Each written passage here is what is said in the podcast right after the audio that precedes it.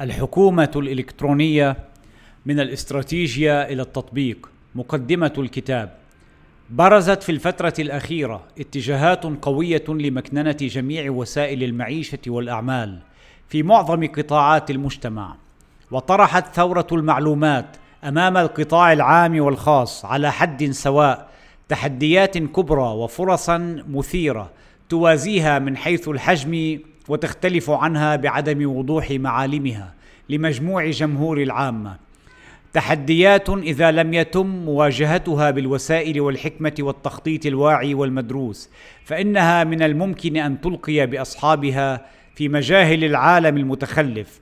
وفرص جديدة إذا تم استثمارها بالشكل والوقت المناسبين فقد تكون حصان طروادة جديد. ولكن هذه المرة ليس للدخول إلى مدينة طروادة ولكن للدخول إلى عالم الحضارة.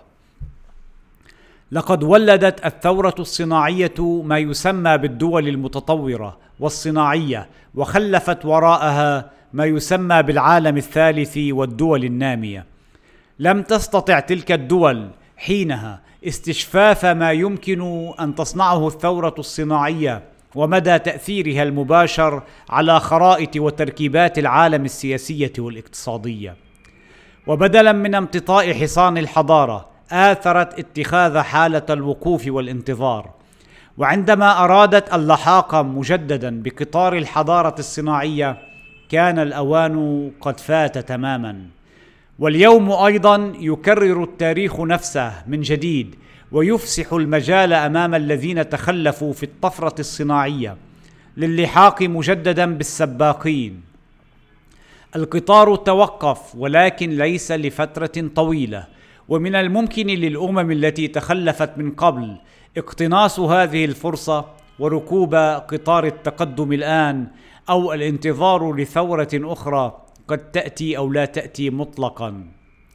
لم تعد تقنية المعلومات مقتصرة على بعض الأشخاص التقنيين القابعين في مختبراتهم والمنعزلين عن العالم. لقد أحدثت هذه التقنية بالفعل ثورة في العديد من المفاهيم والقيم المجتمعية وتقاطعت مع مختلف قطاعات المجتمعات الإنسانية. فقد تدخلت في الاقتصاد والتجارة والأسواق المالية وساعدت القادة العسكريين على إنجاح الحروب والطلاب على إتمام الدروس والأهالي على التواصل مع مدارس أبنائهم والمستشفيات والمراكز الصحية على تبادل المعلومات عن المرضى والأمراض. بل أكثر من ذلك لقد أصبحت الإنترنت ملتقى للعشاق ومحبي القراءة والباحثين والمبدعين والأهم من ذلك كله أنها تحولت في غضون سنوات قليلة إلى سمة أساسية من سمات المجتمع المتحضر. لقد أصبح مستوى تقدم المجتمعات يقاس بمستوى دخول المعلوماتية والإنترنت إلى مفاصله وتغلغلها بين طبقاته. والحقيقة أنها أصبحت دليلا قياسيا جديدا على التقدم والرقي. السؤال الأول الذي يتبادر إلى ذهننا عندما نسافر إلى مدينة جديدة أو بلد جديد هو حول وجود مقاهي الإنترنت لكي نتواصل مع الأهل والأصحاب.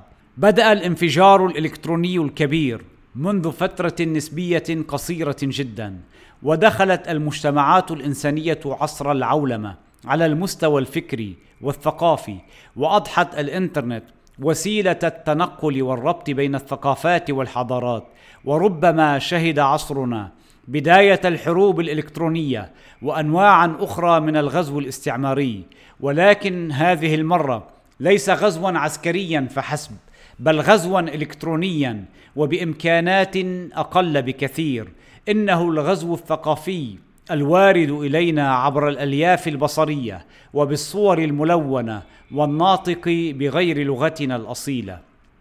وكان مما ساعد على تغلغل تكنولوجيا المعلومات في مختلف القطاعات المجتمعية.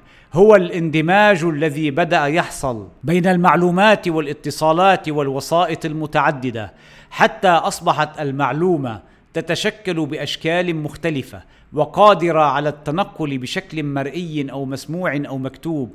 عبر الأثير الإلكتروني لشبكة الإنترنت أو شبكات الاتصالات الخلوية وأضحت قريبة جدا إلى محاكاة الحاجات الطبيعية للبشر.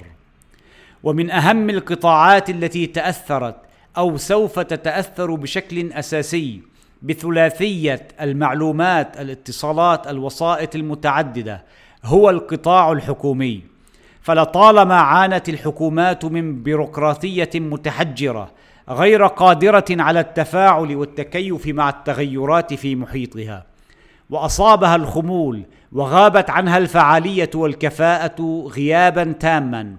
والذي يدفع الثمن دائما هو المواطن وهو يدفعه مرتين مرة عند قيامه بواجباته المدنية ومرة أخرى عند مطالبته بحقوقه المدنية. في المرة الأولى عندما يدفع المستحقات المترتبة على مواطنيته إلى الجسم التنظيمي المسمى حكومة ومرة أخرى عندما يطالب الحكومة بخدمات ومعاملات قاضيا وقته في ملاحقة تنفيذها وكسب رضا موظفي القطاع العام لتسهيلها. الآن تفتح ثلاثية المعلومات والاتصالات والوسائط المتعددة.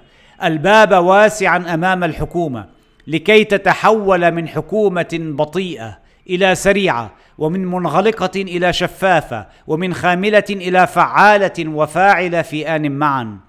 وتوفر هذه الثلاثية للحكومة المبرر والفرصة في آن معا للتحول من حكومة التعسير إلى حكومة التيسير التي يشكل المواطن محور اهتمامها.